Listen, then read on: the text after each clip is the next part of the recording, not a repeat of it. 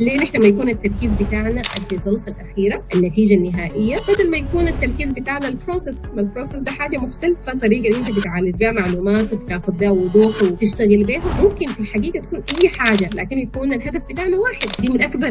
الحاجات اللي بتعمل بتعمل مشاكل ودي برضه بتدخلنا في موضوع انه انت كيف تقدر تدير تغييرات حواليك التغيير ده ممكن يكون ناس ممكن يكون بروسيسرز مختلفه ممكن تكون بيئه مختلفه فهي الفكره اويرنس انك انت كيف تعرفي إن الحالة دي فعلا حاصلة طبيعية